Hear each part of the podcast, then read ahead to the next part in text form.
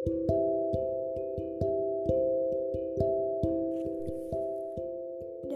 aku memungut detik demi detik, merangkai seperti bunga, sampai pada suatu hari kita bertemu di suatu tempat.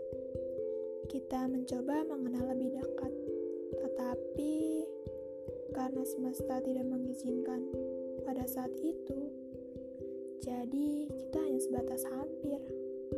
Dan pada akhirnya semesta sudah mengizinkan kita bertemu lagi sampai detik ini untuk manusia unik.